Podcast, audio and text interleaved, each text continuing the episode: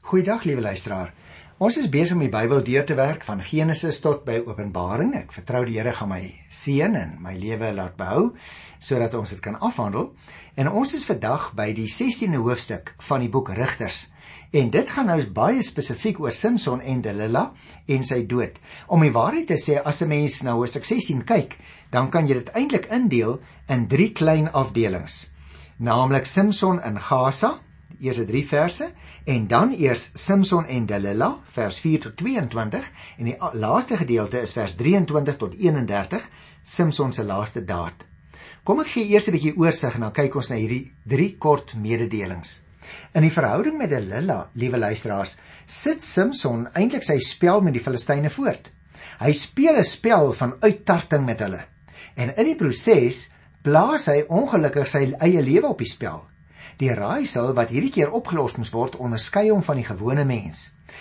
Wat jy sien, ook hierdie keer is Samson nie teen 'n vrou se trane bestand nie stelselmatig kom Delilah nader aan die antwoord op sy geheim. Ek gaan dit nou nou lees.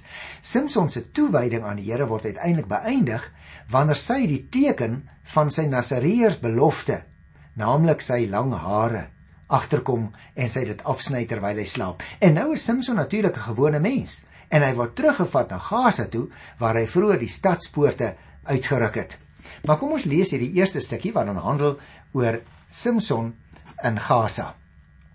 Dit is Rigters 16. Samson is op 'n keer na Gaza toe. Daar het hy 'n prostituut gesien en by haar huis ingegaan. Daar's toe vir die mense van Gaza vertel Samson het hierheen gekom. Hulle het die huis omsingel en hom 'n hele nag deur voorgelê by die stadspoort. Hulle het die hele nag in stilte gewag en gedink: "Môre ligdag, maak ons hom dood." Maar Samson het net bly lê tot middernag.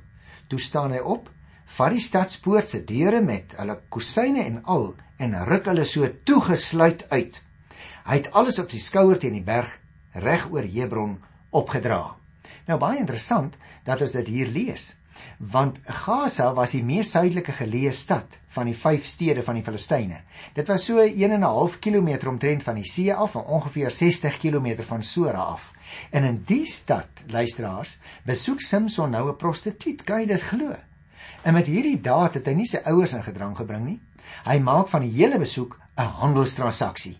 Die skrif verswyg nie Samson se slegte dade nie. Dis wonderlik dat die Bybel so eerlik is met ons, né?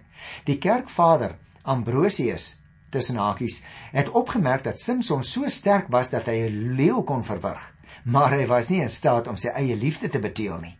En hy kon die bande waarmee sy vyand hom gebind het verbreek, maar hy kon nie die koorde van sy eie hartstog breek nie. Samson se besoek het nie ongemerk verbygegaan nie want die tweede vers vertel vir ons die Filistyne wat daar uh, in Gaza gewoon het, het die huis omsingel. En in die derde vers het ons gelees dat Samson hulle egter verras het deur middernag op te staan en dan gaan hy stilletjies in die donker weg. En hy dra die kusyne en die deure daar teen die berg reg oorkant Hebron op. Dit wil sê ongeveer 60 km Dis nie 'n klein afstand nie, né? En die hoogteverskil moet ongeveer 1000 meter gewees het. Die stap alleen daarheen, liewe luisteraars, kon 2 tot 3 dae geduur het. Dit kon hy alleen deur die krag van die Here doen. Ek wys maar vir jou op hierdie afstande, liewe luisteraars, want dit wil juis vir ons sê hoe wonderlik die Here hierdie man bygestaan het ten spyte van homself. Nou kom ons by die tweede kort afdelingkie van hierdie hoofstuk, naamlik die verhaal, dis eintlik 'n ander verhaal wat handel oor Samson en Delilah. Mens kry dit van vers 4 tot by vers 22 en ek wil graag hier en daar 'n aspek uitwys. Vers 4: 'n Ruk later het Samson verlief geraak op 'n vrou in die Sorek-vallei. Haar naam was Delilah. Nou hierdie keer lees ons vir die eerste keer dat hy werklik verlief was. Die vrou het in die Sorek-vallei gewoon en luisteraars natuurlik, die vallei het wes van Sora begin en daar in die rigting van Jerusalem uitgestrek. Die 5de vers sê die leiers van die Filistyne is toe na haar toe en het vir gesê verlei hom en vind uit waar lê sy groot krag en hoe ons hom kan oorlompel en hom kan vasbind om hom in ons mag te kry. Elkeen van ons sal jou dan 13 kg silwer gee. Nou hier kom hulle met hulle geweldige aanbod want hulle soek nou Samson se dood. En nou lees ons in die 6ste vers: Delilah het toe vir Samson gevra: "Sê my tog waarin lê jou groot krag En waarmee kan 'n mens jou vasbind om jou in sy mag te kry? Sy kom dus na haar eie man toe en sy probeer nou vir hom in 'n valstrik vastrek. Vers 7 Samson het haar geantwoord as hulle my vasbind met sewe boogsnare wat nog klam is, sal ek kragteloos wees en ek sal soos 'n gewone mens wees. Die leiers van die Filistyne het vir haar sewe boogsnare wat nog klam is gebring. Sy het hom daarmee vasgebind. Nou die uh, boogsnare wat hulle hier mee bring, liewe luisteraars, was heel waarskynlik gemaak van seënings van diere. En 7 was natuurlik ook in daardie tyd vir baie volkere 'n heilige getal. Samson speel eintlik met die waarheid, hoor. Want onthou, die 13de vers vertel vir ons hy het sewe haarlokke gehad. So baie interessant word die verhaal opgebou. Die sewe boogsnare, die sewe haarlokke, daar's nie noodwendige verband nie, maar 'n interessante mededeling. Die 9de vers sê daar het ook manne vir in haar kamer weggekruip. Toe sê sy vir Samson: "Die Filistyne is hier, Samson." Hy het die boogsnare gebreek soos 'n vlam garendraad breek en die geheim van sy krag het onbekend gebly. Daarna het Delila vir Samson gesê: "Jy het 'n gek van my gemaak en vir my leuns vertel. Sê my tog nou waarmee mense jou vasbind." Hy het gesê: "As ek behoorlik vasgebind word met nuwe toue wat nog nooit gebruik is nie, sal ek magteloos wees. Ek sal soos 'n gewone mens wees." Delila het 'n nuwe toue gevat om daarmee vasgebind en sy sê toe vir hom: "Die Filistyne is hier." Samson. Nou baie interessant dat hierdie Samson hom so maklik laat mislei. Miskien het hy die spel gespeel doelbewus, die spel saam gespeel, want hy kom agter, uh, hy vertel vir haar iets. Sy sluk dit so soetkoek in, dan kom die Filistyne en hy ontsnap elke keer met die brute krag waaroor hy beskik. So hy begin dit lyk dit vir my nou so bietjie geniet. Maar luister nou by vers 13. Daar het weer manne in haar kamer weggekruip, maar Samson het die toue aan sy arms gebreek asof dit garendraad was. Delila het toe vir hom gesê: "Hoe lank gaan jy nog 'n gek van my maak en vir my leuns vertel? Sê my tog waarmee jy vasgebind moet word." Hy sê toe vir haar: "Jy moet net my sewe haarlokke in jou materiaal op die weefstoel vasweef." Toe sy alles klaar met 'n pen vasgesteek het, sê sy vir hom: "Die Filistyne is hier, Samson." Hy het wakker geskrik en die materiaal met pen en al van die weefstoel af losgeruk. Nou kry die verhaal nog meer momentum. Luister by vers 15. Toe sê sy vir hom: "Hoe kan jy sê jy het my lief en my nie vertrou nie?" Interessant luisteraars, van vroeg af leer die Bybel vir ons dat 'n huwelik tussen 'n man en 'n vrou as dit moet hou, moet op twee pilare staan. Die een is liefde en die ander vertroue.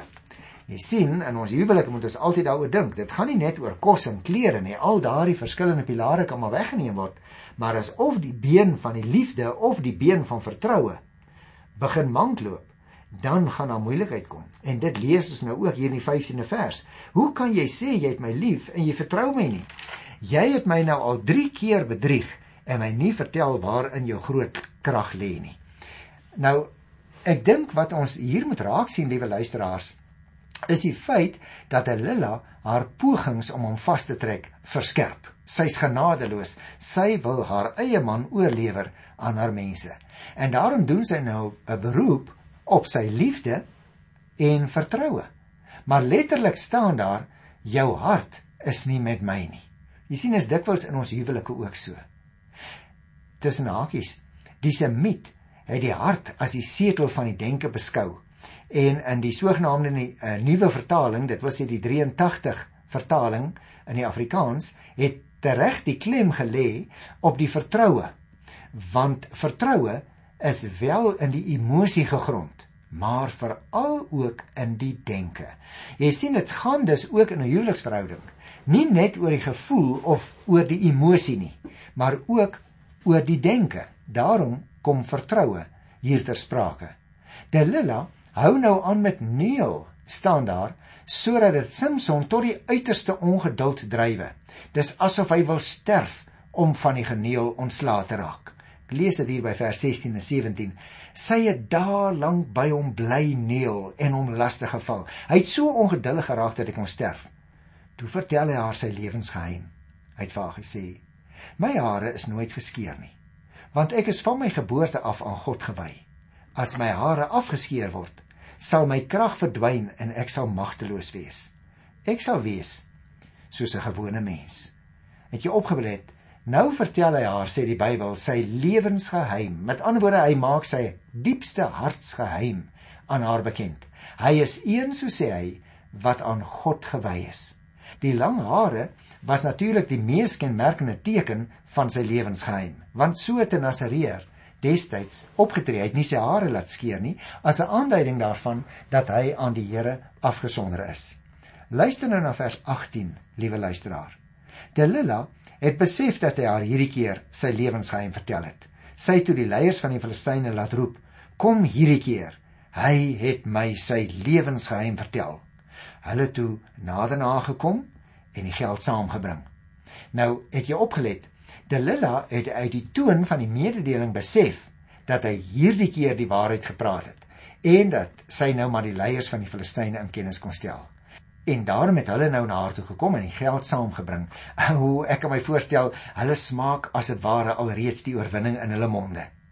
Vers 19. Sy het Samson op haar skoot aan die slaap gemaak en 'n man geroep en hy het Samson se sewe haarlokke afgeskeer. Sy het hom laat swak word. Sy krag het verdwyn. Nadat Delila hom aan die slaap gemaak het, het sy 'n man, nou heel waarskynlik is dit nou haar barbier wat daar versteek was saam met die ander ouens geroep om Samson se hare te kom afskeer. 'n Derde persoon kon die bos hare nie maklikste hanteer sonder om Samson wakker te maak. Delila laat Samson swak word, sê die Bybel. En dit moet vir hom 'n vreeslike vernedering gewees het dat 'n vrou hom uiteindelik oorweldig het. Daarom haas ek my na vers 20. Toe sê sy: "Die Filistyne is hier, Samson." Hy het wakker geskrik en gedink: "As ek weer uitstap soos die vorige kere, sal ek my losruk." Maar hy het nie besef dat die Here hom verlaat het nie. Ek kan die prentjie baie duidelik voor my geesesoog sien, luisteraar. Samson het vol selfvertroue ontwaak want hy het nie besef dat die Here hom verlaat het nie. Deurdat hy sy hare laat afskeer het, het hy sy roeping as 'n man wat aan die Here toegewy is verloon. En in hierdie geval het die Here wat aan hom besondere krag gegee het, hom verlaat.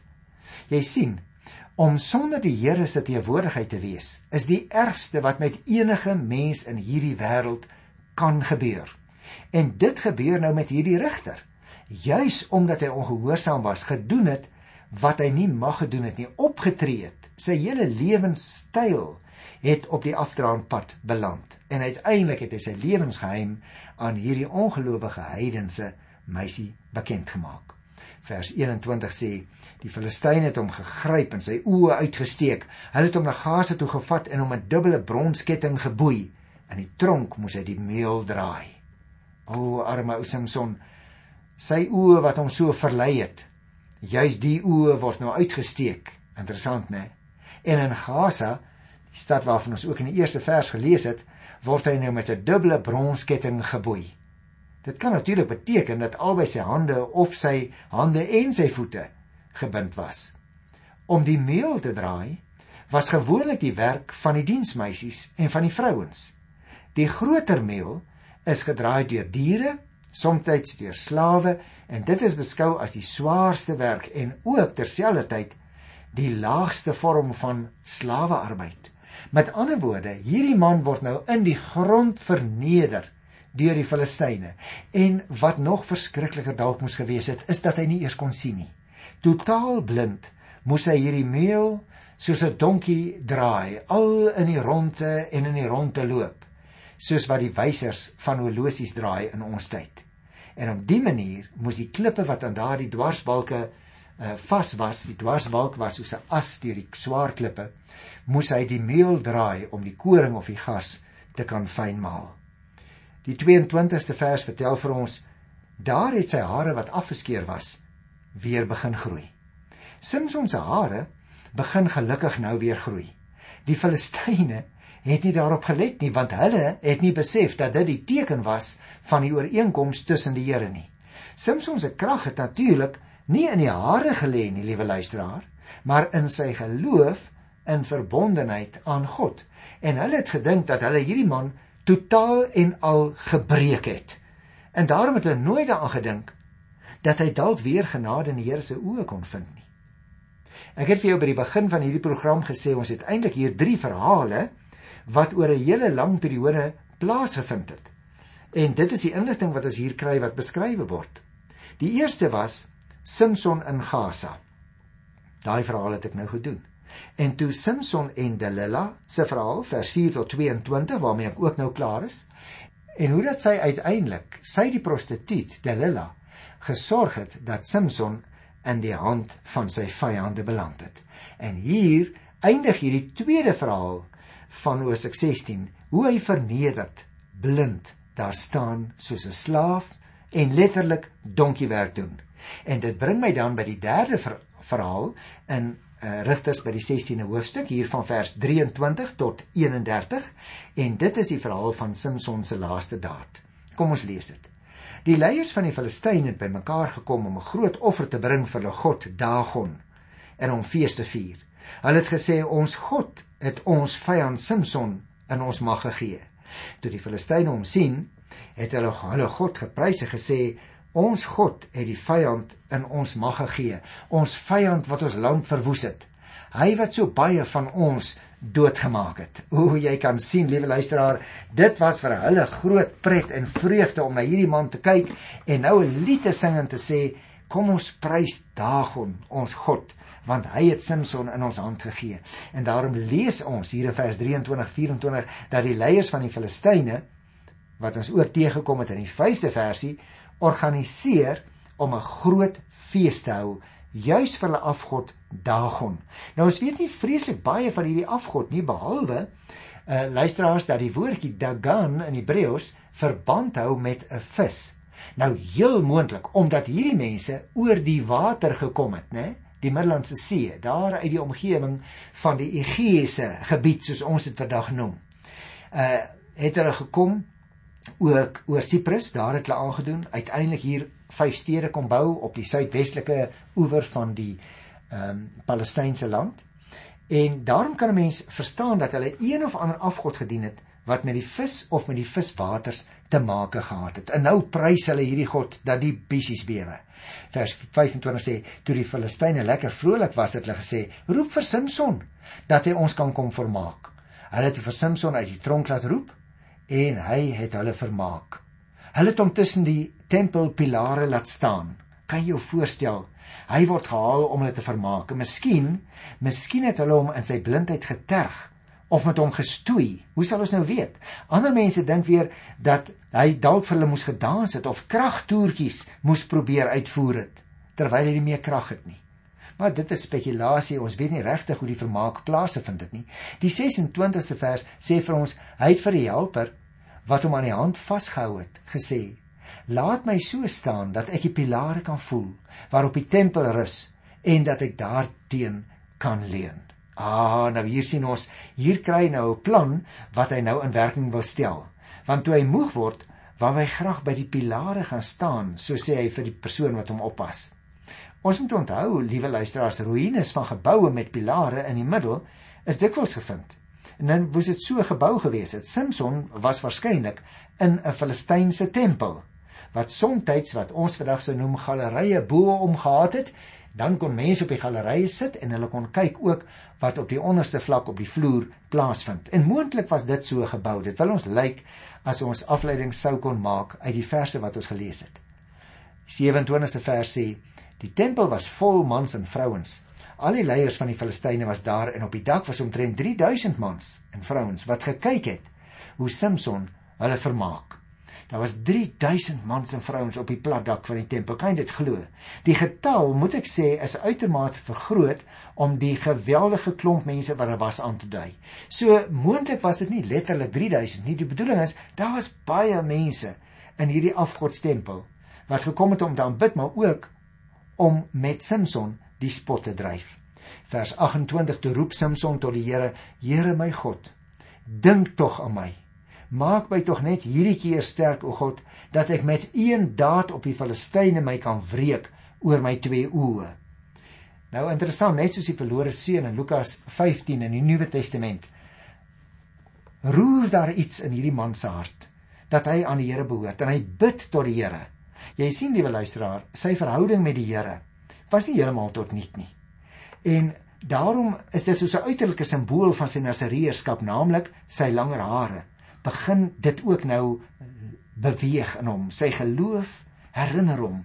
En dit lyk amper asof 'n gebed ek herhaal dit lyk amper asof dit 'n persoonlike gebed om wraak is. Maar die Here wou daarmee die verlossing van Israel begin. En daarom vers 29 en 30 Samson het die twee middelpilare waarop die tempel rus vasgevat teen hulle geleun met sy regterarm om die een en sy linkerarm op die ander. En toe sê hy laat my sterf saam met die Filistyne. Hy het met al sy krag getrek. En die tempel het ingeval op die leiers van die Filistyne en op die mense daarin. So het Samson met sy dood meer mense doodgemaak as in sy hele lewe. Is baie interessant hierdie opmerking. Samson leun met sy arm teen die twee middelste pilare van die tempel en hy trek hulle om liewe luisteraar merk jy dit op die Here bewerk die wonder dat die hele tempel in mekaar stort en dat dit so baie Filistyne gedood word op een slag. En nou beklemtoon die skrywer vir ons die eer van die Here bo die van die afgod Dagon.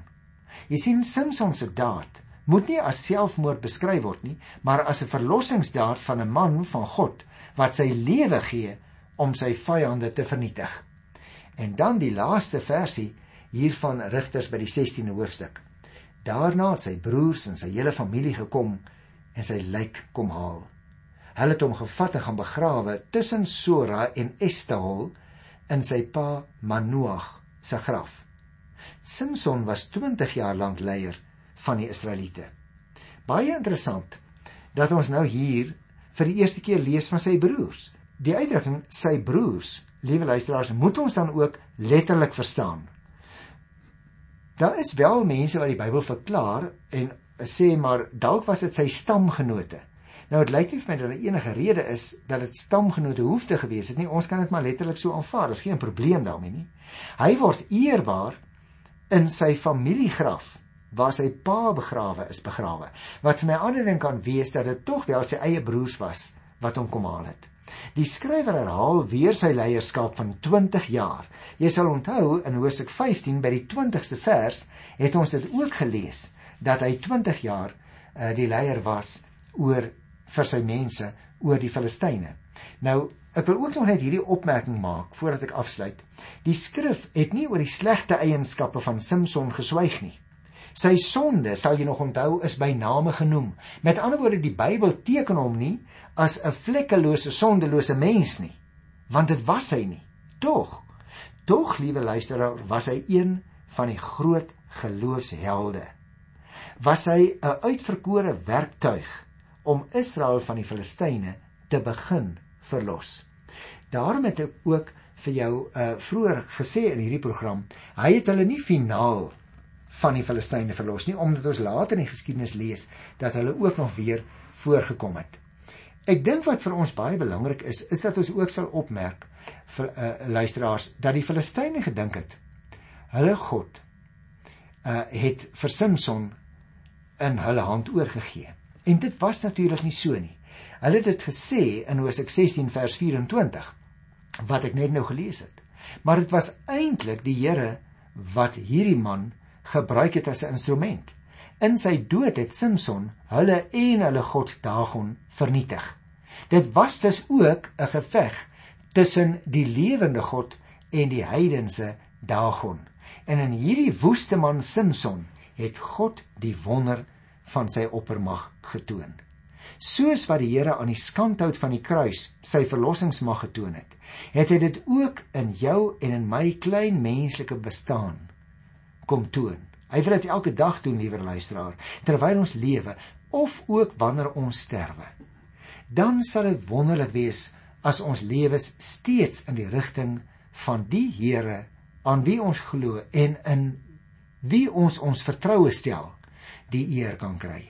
Daarom as jy die interessante uh Samson siklus lees oor die paar hoofstukke wat ons gedoen het van ons 13 tot hier aan die einde van Hoofstuk 16, dan moet jy nie vir Samson raak lees nie. Samson moet gesien word as die instrument wat deur die Here gebruik word om die gelowiges te verlos van die Filistyne. wonderlike wonderlike God in wie ons glo, né? Ons merk dit nie altyd nie, maar hy bly altyd in beheer van die geskiedenis. Tot volgende keer. Groet ek jou in sy wonderlike wonderlike naam. Tot dan. Totsiens.